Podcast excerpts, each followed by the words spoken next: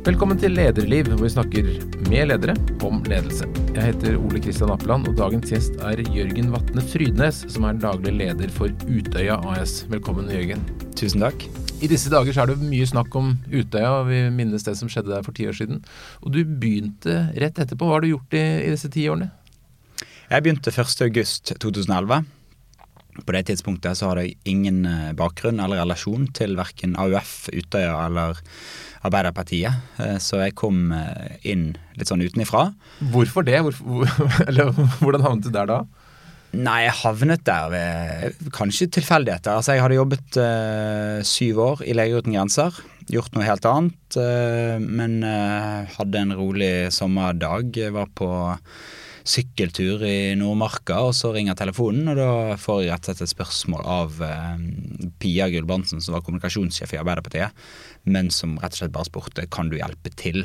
Eh, og på det tidspunktet der så var måte, min oppgave å hjelpe til med alt som hadde med Utøya å gjøre.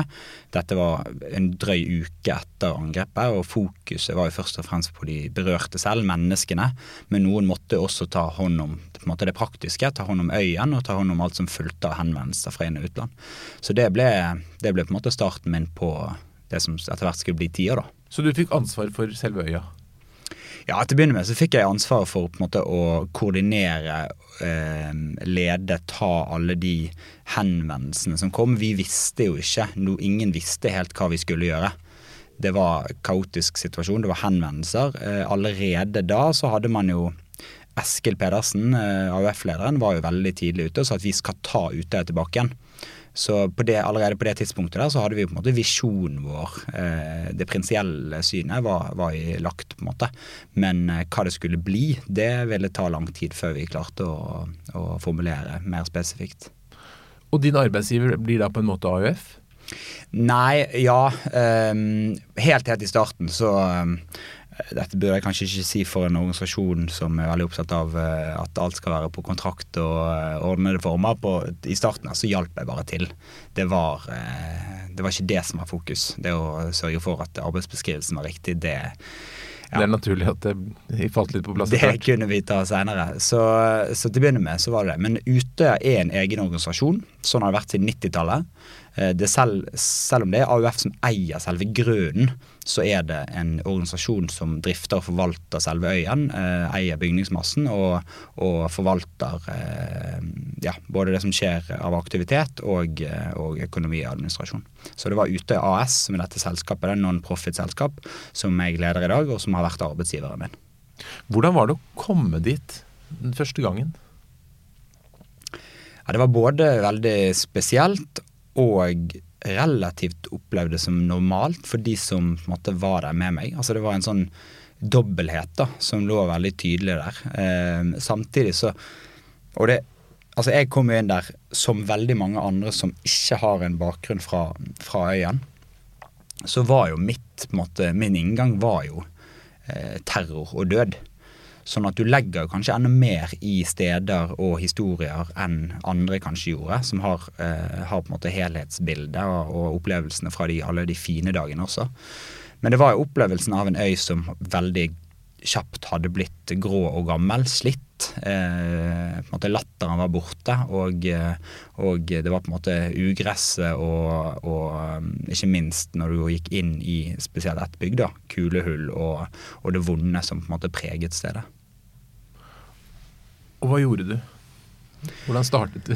Ja, altså høsten, høsten, 2011, eller sommeren og høsten 2011, så var det, var det jo på en måte en nasjonal veldig sånn eh, Det man gjorde i Norge. Eh, vi har jo altså verdens rikeste land, verdens beste land. Eh, vi har jo på en måte apparater for å sikre i alle fall i teorien, at de berørte, det menneskelige, skulle være ivaretatt. Hvis det skjer natur, naturkatastrofer eller på en måte vonde ting andre steder i verden, så gir du på en måte penger til humanitære organisasjoner. Det veldig mange gjorde her, var jo å gi penger til å gjenreise Utøya.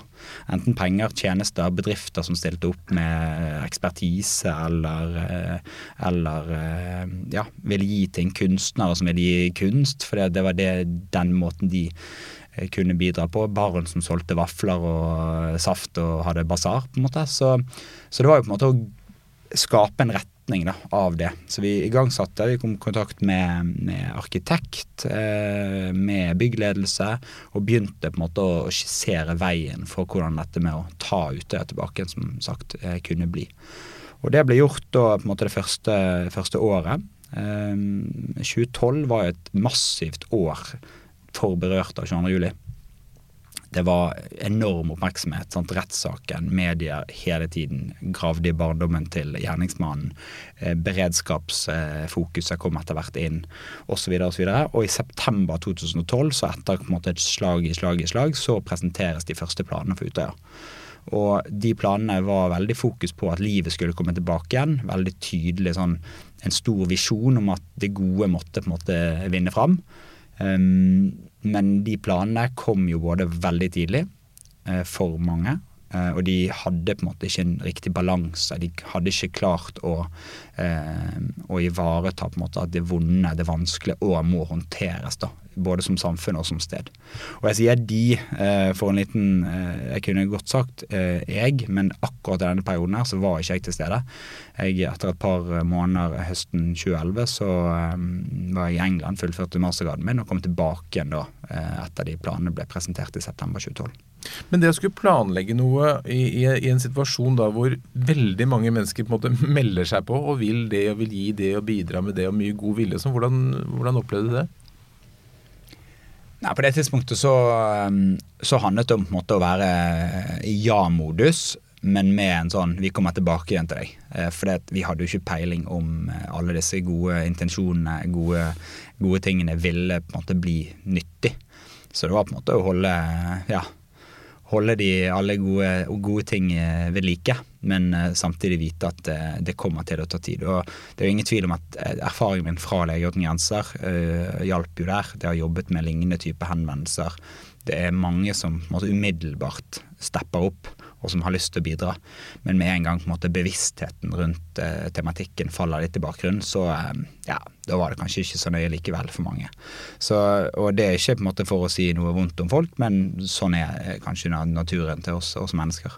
Um, vi det, der det begynte på en måte ordentlig arbeidet, eh, hvor vi virkelig på en måte kom i gang, det var jo da høsten 2012, når, når, vi hadde presentert de første planene. For det vi så veldig tydelig, er at eh, AUF hadde gjort en god jobb med å involvere og, og forankre det internt hos der man tradisjonelt sett da, gjennom måte, 60 år hadde vært nødt til å, å forankre det, altså hos seg sjøl. Mm.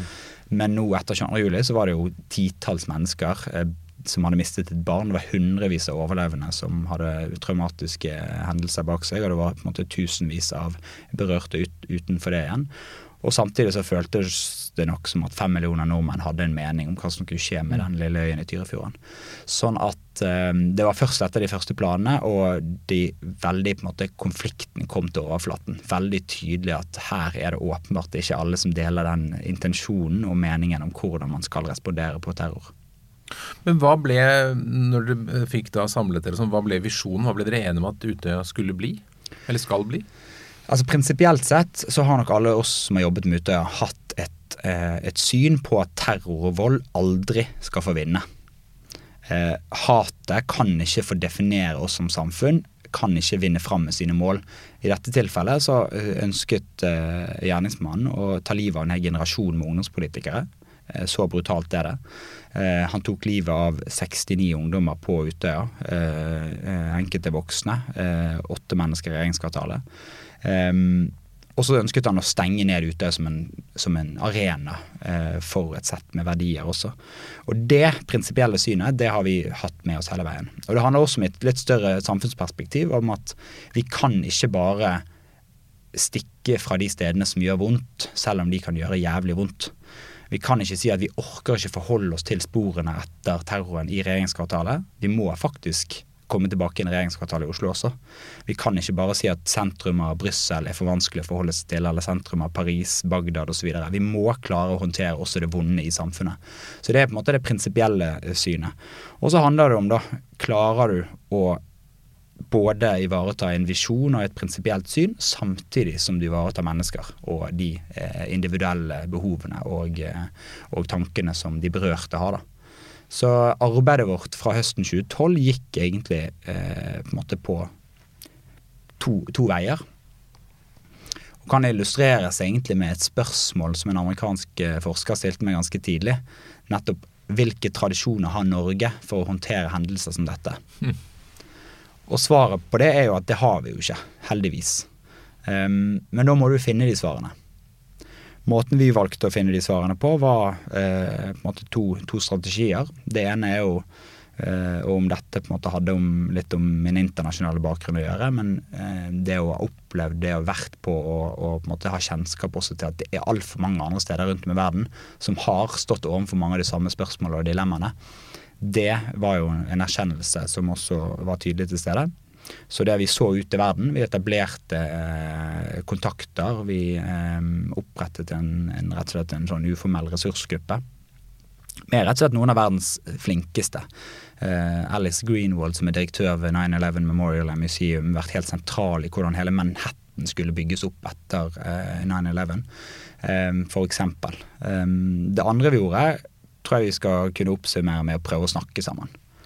Og da er det viktig å ha, uh, og det tror jeg et sånn fra et lederperspektiv en viktig på en måte, grunnregel, men det å ha på en måte sirkler av berørte det å si at vi må først ta vare på de som er rammet, de som om det er en rammet av en endringsprosess eller rammet av terror. Du må først ta vare på de som eh, kommer til å få en, eh, ha en, en, en, direkte følge av dette, og så kan du se utover. Så vi, uh, vi, bestemte oss rett og slett for at vi uh, må snakke sammen. Um, men ja, på veien hit så gikk jeg forbi en konferansesal Eh, sånne konferansesaler satt vi i starten, men det å sitte i et rom da med 50 etterlatte foreldre, alle har mistet et barn, og så skal du konstruktivt, rolig innestemme snakke om hvordan vi skal forholde oss og forvalte det stedet som de har mistet barnet sitt på, altså det, det var ikke en god samtale. Um, så da bestemte vi oss kanskje noe naivt, men iallfall full av pågangsmot, at hvis ikke vi klarer å snakke sammen i eh, plenum, så får vi snakke sammen én og én. Så da begynte det rett og slett en reise med å ringe hver eneste familie. Eh, og etter hvert som du har ringt og snakket med folk, så innser du at hvis du skal ha gode samtaler, så er telefonen et eh, Hva skal jeg si det er, en, det er en god ting, men det er også en avstand. Du må på en måte se hverandre i øynene og få en god kontakt. Så det, da ble det neste fase av arbeidet med å reise land og strand rundt.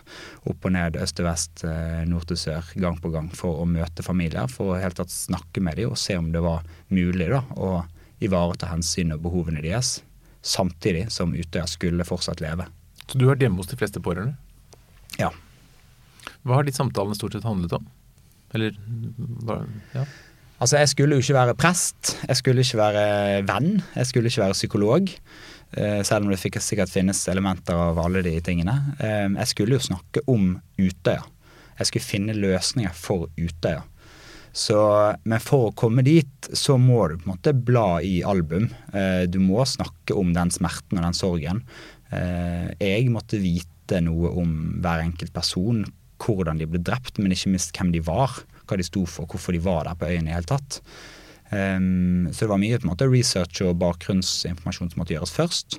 Um, og så snakket man jo om måte, liv og død, smerte og sorg, savn. Uh, men man snakket jo også konstruktivt. da.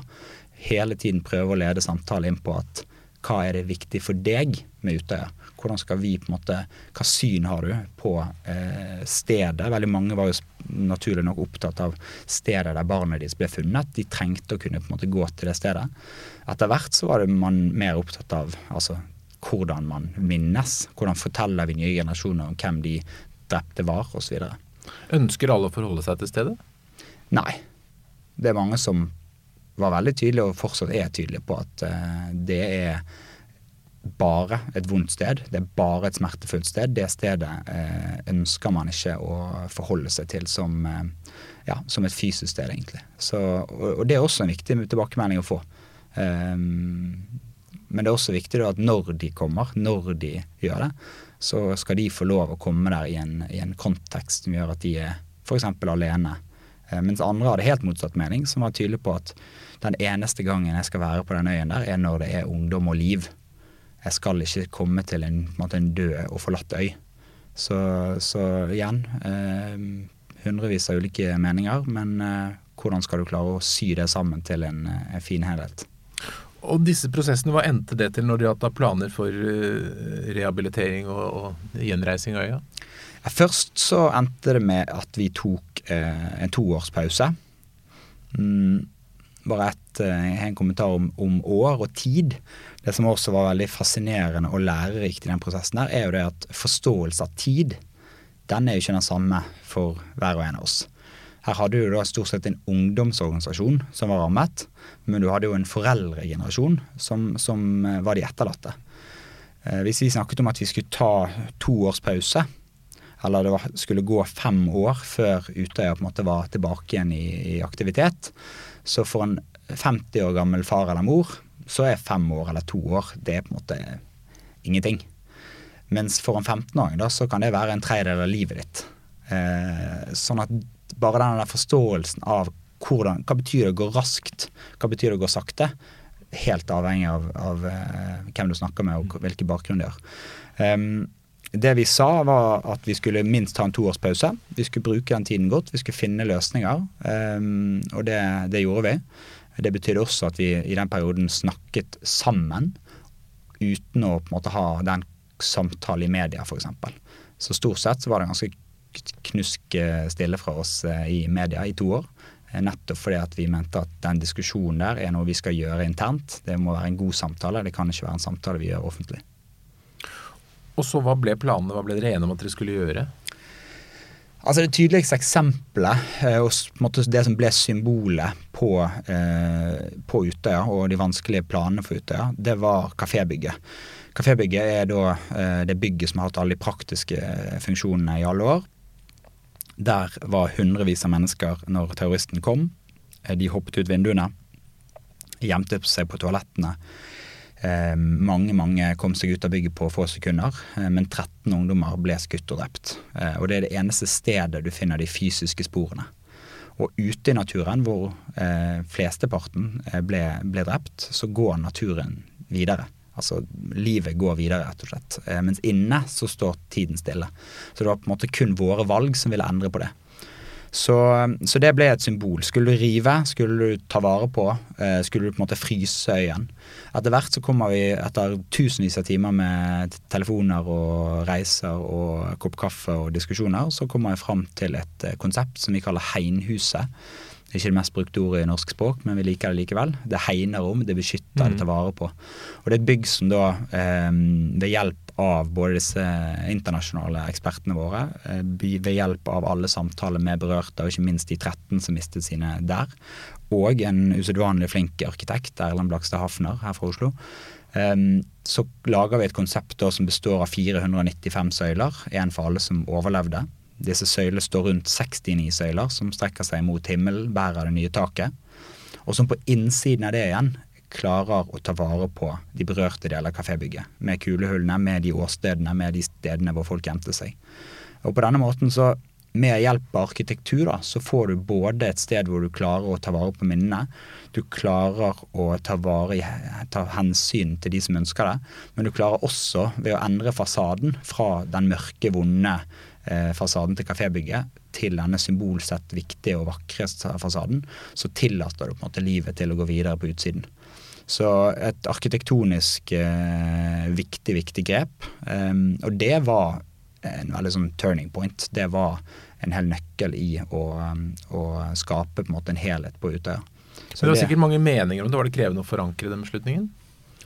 Ja, det var definitivt mange meninger. Og det var jo også et et sted på veien hvor du på en måte endrer veldig tydelig fokus da, fra eh, flere år med å reise til etterlatt familie og etterlatt familie.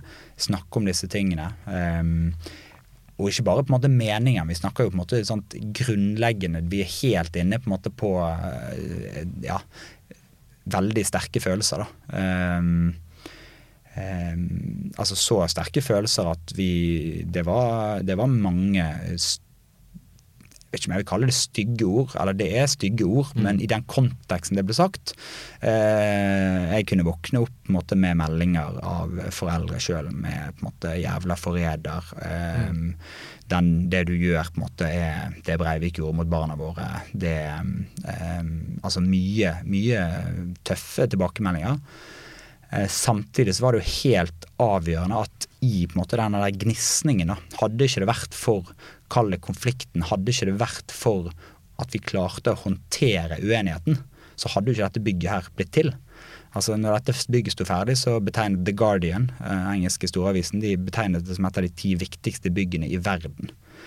Og det hadde ikke vært mulig hvis vi bare hadde lyttet måte, til den ene gruppen eller den andre. Så det er jo på en måte i konflikten, i eh, uenigheten, da, disse gode løsningene har kommet fram. Um, så, så, det var jo et fokus på både etterlatte, men etter hvert så var det jo stort fokus tilbake igjen kan du si, på både overlevende og på AUF som organisasjon. For de hadde jo besluttet til å begynne med at hele bygget skulle rives. Så da måtte vi på en måte snu fokus og si at vet du hva, for at Utøya skal kunne leve, så må det også finne riktig balanse en balanse mellom fortid, fremtid, alvor og engasjement. Og det måtte også på en måte AUF som organisasjon innse. Så, så, det var ikke på en måte et sånn ensidig Min jobb har ikke vært den på en måte etterlatte reisende. Det har også vært for egentlig alle andre berørte. Og hvordan er ambisjonen, eller hva er ambisjonen for bruken av øya videre? Altså Utøya er jo et levende sted. Det har Siden gjenåpningen, kan du si, eh, så har det vært 40 000 ungdommer der ute de kommer til et sted som både har et minnested hvor vi minnes de som ble drept. Eh, markeringen eh, nå på, på, torsdag, eh, 22.07, er jo selvfølgelig en viktig dato, men det er også resten av året. Eh, det er et sted for å lære. Lære om 22.07, men ikke minst lære om hvordan ungdom selv skal få de verktøyene til å stå opp for eh, demokratiske verdier som på en måte samfunnet vårt er bygget på. Og så er det fortsatt et leirsted. Et sted for engasjement. Så det har vært 40 000 nå de siste årene, og ambisjonen vår er at det skal fortsette å vokse til å bli et enda viktigere sted for, for ikke bare AUF, men ungdomsgenerasjonene generelt. Vi har lykkes i stor grad eh, nasjonalt, og så har vi blitt satt litt tilbake igjen de siste året halvannet med at vi også har en stor satsing internasjonalt. At vi kan bruke Utøya som en arena i et internasjonalt arbeid også. Men um, underveis da i denne prosessen så måtte du bygge opp en liten organisasjon og gjort alt alene. Hvordan har du tenkt når du har bygget og valgt mennesker rundt deg? Ja, altså vi var Gjennom store deler av dette arbeidet her, så var vi to ansatte. Vi var eh, min kollega Jon, som er skipper og vaktmester, som på mange måter tok vare på øyen fysisk, og så prøvde jeg å ta vare på alt det andre. Eh, vi hadde et byggeprosjekt på 70 millioner kroner. Eh, så arbeidsbeskrivelsen min har ikke på en måte vært Det har ikke vært den psykologen. Det har også på en måte vært prosjektleder, eh, daglig leder, og skulle bygge opp da en organisasjon også. og der så vi jo veldig tidlig at når vi definerte Utøya som et sted for å lære, for å minnes og for å engasjere, så kan ikke vi gjøre alt alene. Det er også viktig for oss å ikke gjøre alt alene. Så for eksempel så når vi bygde opp dette læringssenteret, så så vi etter samarbeidspartnere. Så vi er et eh, Altså fra, fra å være et lite sted med to ansatte, så er vi Selve Utøya som organisasjon er ikke flere enn åtte fast ansatte. Vi er et team på eh, rundt 35 formidlere som jobber der med eh, med besøkende, altså skoler, eh, ungdomsgrupper av ulike sort. Um, vi har en omsetning på 13-14 millioner kroner i året. Det er en stort sett 13-14-gangeren av det Utøya hadde før. før. Um, men så har vi helt, vært helt avhengig av å knytte oss til gode samarbeidspartnere. Så vi samarbeider veldig tett med andre organisasjoner og sammen klarer å bygge måte, Utøya som sted. Mm. Så, så, samarbeid, eh, det å ikke bare forholde seg til egne måte, ansatte, men når jeg pleier å snakke om oss som team, så er vi et stort team. Eh, men det er fordi at det også er ganske mange mennesker involvert som ikke er en direkte tilknytning til Utøya AS. Men Har du underveis også formet seg antagelig en slags sånn lederfilosofi hos deg? Hvordan, hvordan, vil du være som leder for Utøya? Um, ja, altså jeg er nok ikke den uh, altså Både en, etter så mange år, både en, på en måte en tydelig leder og veldig tydelig på hva vi vil. Um, samtidig så, så er jeg veldig opptatt av, og det har vært det både kanskje som man er som person, men også ut ifra denne prosessen her at man er helt avhengig av i sånne type saksfelt hvor det ikke nødvendigvis er en sånn helt eh, fasit. da. Du må finne eh, ut av svarene sjøl. Eh, og for å gjøre det, så må du først måtte lytte. Og du lytter for å lære, og så kan du lede. Så på en måte gjøre ting i riktig rekkefølge. Eh, det å være ydmyk på at man ikke sitter med alle svarene sjøl. Det at man må eh, hele tiden få innspill. Så en, en, ganske sånn ydmyk rolle til, til kan du si, lederjobben også. Det, det, tror jeg er viktig. Men det handler også om at måte, ydmykhet i et sånn type arbeid er helt nøkkel. Eh, det tror jeg ikke bare fordi det er så mye følelser rundt 22. juli og Utøya, men det å holde, forholde seg til mennesker. Eh, se på en måte individene. Og vi er jo ikke altså Ethvert eh, organisasjon eller firma er jo ikke bedre enn de folkene man har på laget. Så, så det å på en måte være Se menneskene og, og prøve å få de til å ja, blomstre, det er, en, det er en viktig egenskap. Har engasjementet fra de pårørende holdt seg, eller har de trukket seg mer unna etter hvert? Altså Konfliktene rundt Utøya, som var veldig veldig intense, har jo på en måte forsvunnet i stor grad. Eh, for de som på en måte følger dette, så hører man kanskje mer om konflikter rundt liksom, de nasjonale minnestedene og sånn. Det er en egen historie. Mm. Eh, Den skal vi ikke gå inn på, det. Nei, helst ikke. Eh, det har ikke vi hatt noe med å gjøre, egentlig. Det har vært staten Norge og regjeringen som har håndtert. De har ikke håndtert det spesielt bra, men de har nå forsøkt. Nå blir det i hvert fall. Mm. Det, blir i hvert fall bygget noe? Det blir bygget, ja. ja. Mm. Det blir riktignok ikke ferdig i år, men, uh, men, likevel. Um, det har, altså Engasjementet er til stede, um, men konflikten er borte. Og Det er jo store forskjell mellom da, de nasjonale minnestedene og Utøya, hvor vi klarte å løse konfliktene. Så klarte på en måte det offentlige å bare forsterke disse konfliktene. Hva har vært de vanskeligste dilemmaene for deg i jobben? Dilemmaene har eh, nok Altså det har vært mange ulike dilemmaer. på en måte Faglige dilemmaer. Det å på en måte stå for beslutninger som du, ville, som du vet vil bringe så mye smerte inn i mennesker sine liv som allerede er fullt opp av smerte. Um, det å ta beslutninger som, som, er vanskelige, det har jeg på en måte ikke noe problem med. Men når du vet nøyaktig hvilken konsekvens det vil få for mennesker som da allerede har en dyp eh, traumatisk historie bak seg, har eh, sorg og savn som er enormt, det, det har vært en, måte, en, en, vanskelig avveining hele veien. Hva slags beslutning kan det være som bringer smerte? Nei, det kan være nettopp kafébygget, f.eks. Altså det å rive et sted, eh, et åsted, eh, vi kommer aldri tilbake igjen. Mm. Du kan aldri gjøre noe med det det å, det å på en måte igangsette prosesser som du vet på en måte river av et altså såret, og forblir det på en måte et blødende sår. Du kommer deg ikke videre på en måte i livet fordi du er ansvarlig for en prosess som Altså hva er på en måte en øy? Et fysisk sted opp imot menneskers på en måte mentale helse. Um, men samtidig så, så, må du på en måte som samfunn ha et, et sett med verdier, et sett med prinsipper som man må på en måte ja, ivareta eh, og hele tiden prøve å finne den riktige balansegangen der. Da. Men det ligger mange dilemmaer på en måte i, i det.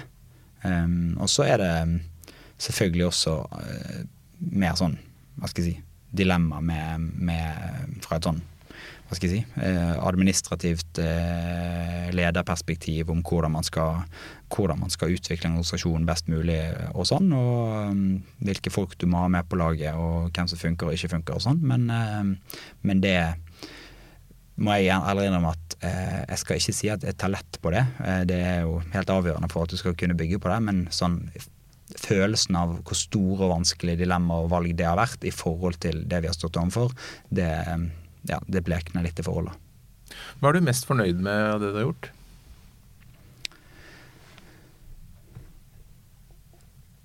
Altså, eh, fra, Jeg er mest fornøyd med at vi har klart å skape et sted som på en måte har ivaretatt så mange mennesker sine eh, behov måte bakover i tid, hvis man kaller det, altså de som ble rørt 22.07. Men ikke minst er man fornøyd med at å se at det stedet ute har blitt, er altså rett og slett fungerer. Et sted som, eh, som livet kommer tilbake med tusenvis av ungdommer hvert eneste år. Eh, langt måte, utenfor de som bare øyen tidligere var, var til for. Eh, og som på en måte bidrar hver eneste dag til å gjøre verden til et bedre sted. Litt sånn klisjéfylt. Det er jeg på en måte mest fornøyd med. Personlig så er jeg mest fornøyd med at man har klart å lede en prosess som har så mye kompleksitet som vi ikke kunne noe som helst om. Altså Jeg var 26 år da jeg begynte med dette. Jeg kunne ingenting om minnearbeid eller eh, traumebearbeidelse eller noe som helst. Men det å på en måte ha, se at man fra et personlig plan da også klarer å tilegne seg eh, kunnskap om noe du overhodet ikke har eh, peiling på, eh, i et såpass raskt tempo, samtidig som du klarer å, å gi en retning og, og, lede. Det er jo rent sånn personlig å se at man har klart å stå i en rolle som har ja, inneholdt ikke én arbeidsoppgave, men temmelig mange ulike. Hva kommer til å skje på øya nå i forbindelse med tiårsmarkeringen?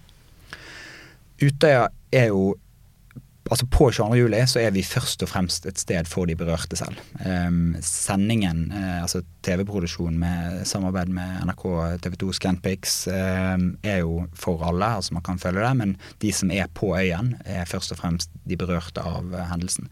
Så har det vært ikke akkurat en, uh, en enkel prosess å planlegge dette, i og med at vi har ikke peiling hvor mange mennesker som får lov å komme i ulike sammenhenger. Mm. nå ser det ut som disse koronapassene og sånn har hjulpet oss langt på vei. men så det blir en fin markering. Så det blir, eh, det blir, For min del så er det jobben min den dagen er først og fremst å tilrettelegge for at uh, den markeringen går som man skal. Uh, minnemarkering i bakken, taler. Um, at man ikke minst har en arena for fellesskap. Veldig mange berørt der er jo selvfølgelig viktig å komme på øyen og være der, men ikke minst være der sammen. Være der sammen med andre berørte. Det er en styrke i seg selv. Blir det flere arrangementer? Ja, altså vi, Det er jo tiårsfokuset har vi jo som nasjon tror jeg merket eh, i lengre tid nå. Alt fra, alt fra organisasjoner, bedrifter, eh, media som måte har egne arrangementer. På Utøya så er det eh, vi har et kontinuerlig drift fra, fra påske til jul. Eh, tiårsåret er jo spesielt i så måte, men likevel så er det, så er det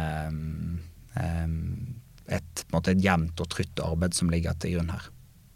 Er det fortsatt mye internasjonal interesse?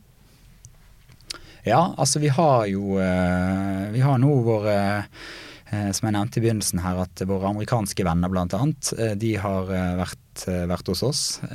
tilbake igjen for Ja, de har vært der mange ganger, og vi har vært hos de mange ganger for å diskutere disse tingene. 9-11 er jo på en måte hva skal jeg si, the go to place eh, for, for terrorrammede steder eh, rundt omkring i verden. Det er på en måte eh, De Frankrike, eh, president Macron, han eh, har selv på en måte tatt initiativ til å, at i Paris skal skapes et, eh, et læringssenter som, som, fokuserer på terrorkonsekvensene og, og, hvordan man skal forebygge det. de gikk naturlig nok til New York. Eh, beskjeden fra New York var sa eh, dere er selvfølgelig hjertelig velkommen til å ha et samarbeid med oss, men dere får ikke lov å komme her før dere har vært på det stedet som er på en måte gullstandarden. Eh, og den ligger Trenger ikke dra over vannet, du kan bare reise litt lenger nord i Europa. Så de måtte komme til Utøya først. Eh, og holdt på å si all beskjedenhet så Det var en så, utrolig ære? Ja, det er en stor ære. Eh, og vi får jo henvendelser fra, fra utlandet mange, mange steder. Og det er en, også en veldig meningsfull bidrag for vår del nå. Det at vi så til verden da.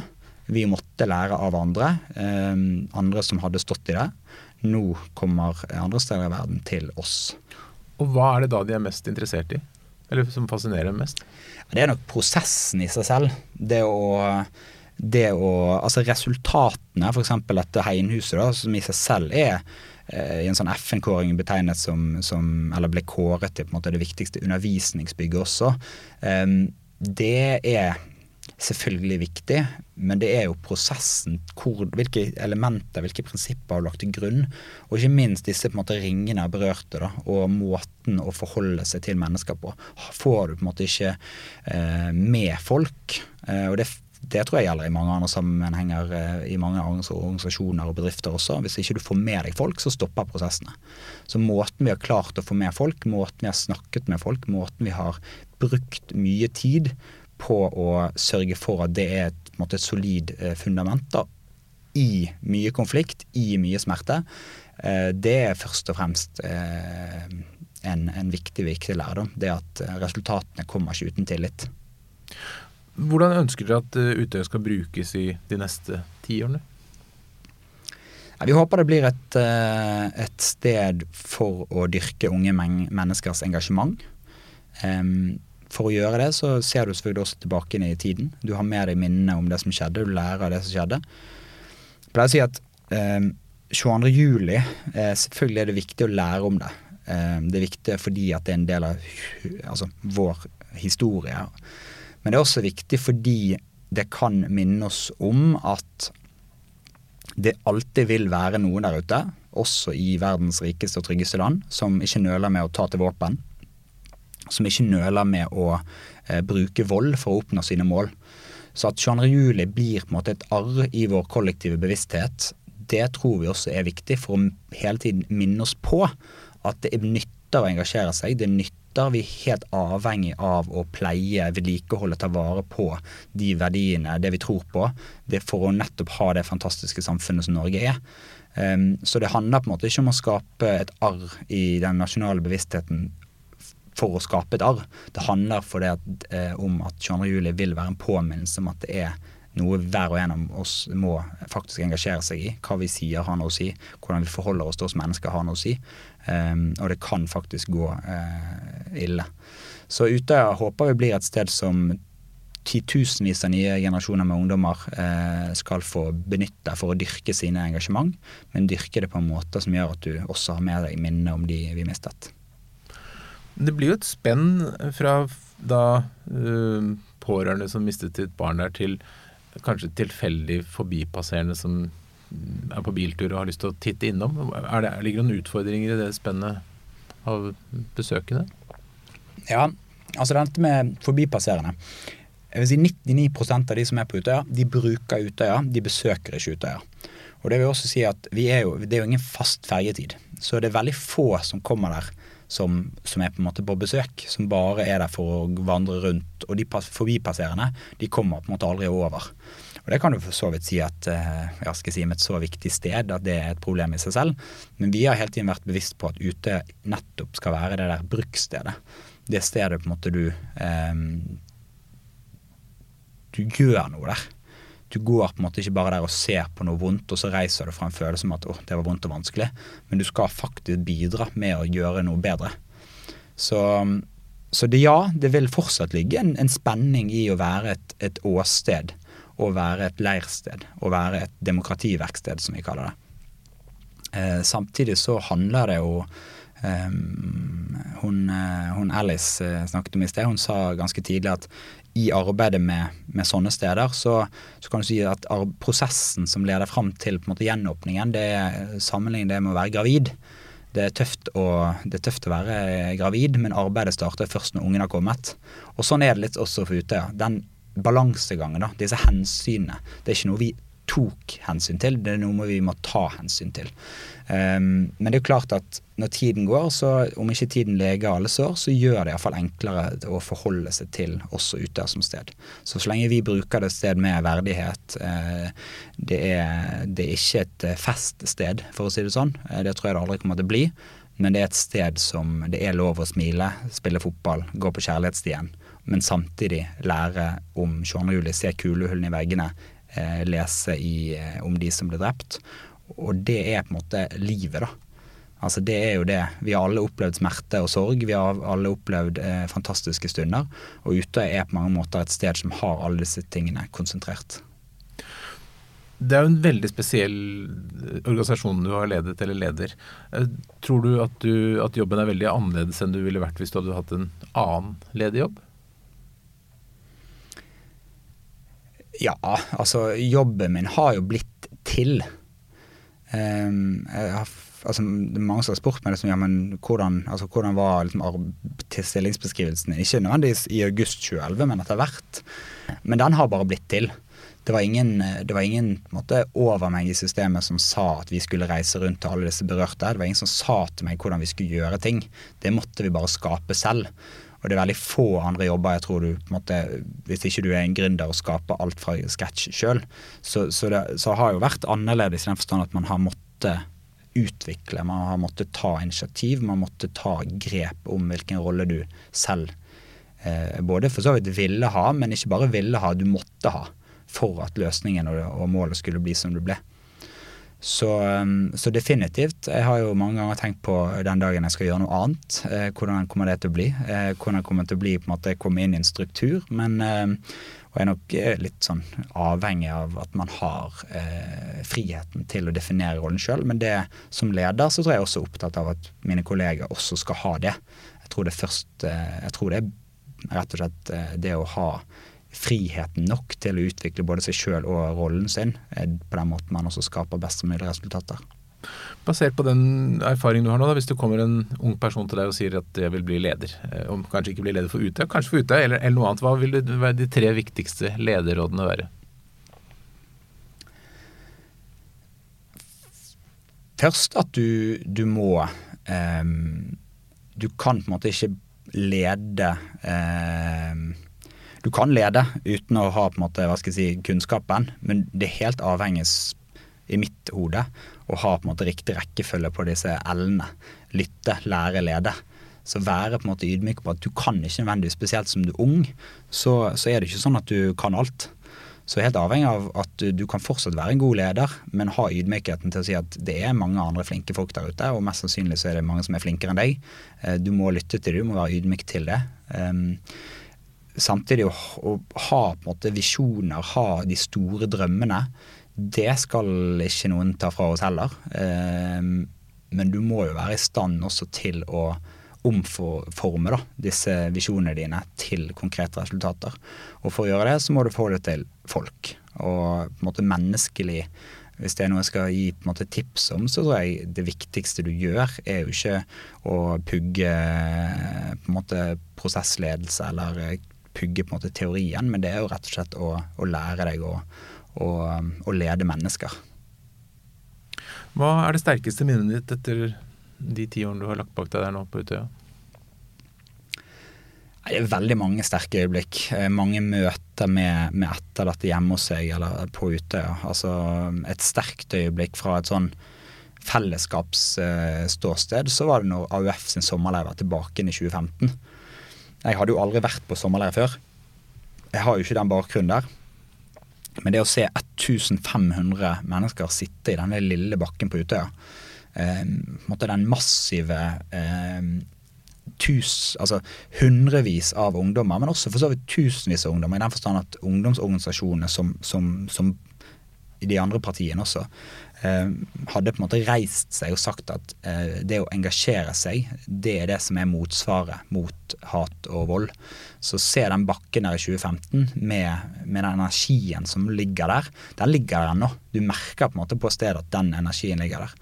Og så har du andre eksempler hvor eh, møter med, med, etterlatte som har vært utrolig krevende, utrolig vanskelige, men som har eh, Når du på en måte får høre at dette her har vi klart sammen, og du får en god klem, så er det sånn Det, det kan heller aldri noen ta fra meg. Jørgen Vatne Frydes, tusen takk for at du kom til Lederliv. Tusen takk.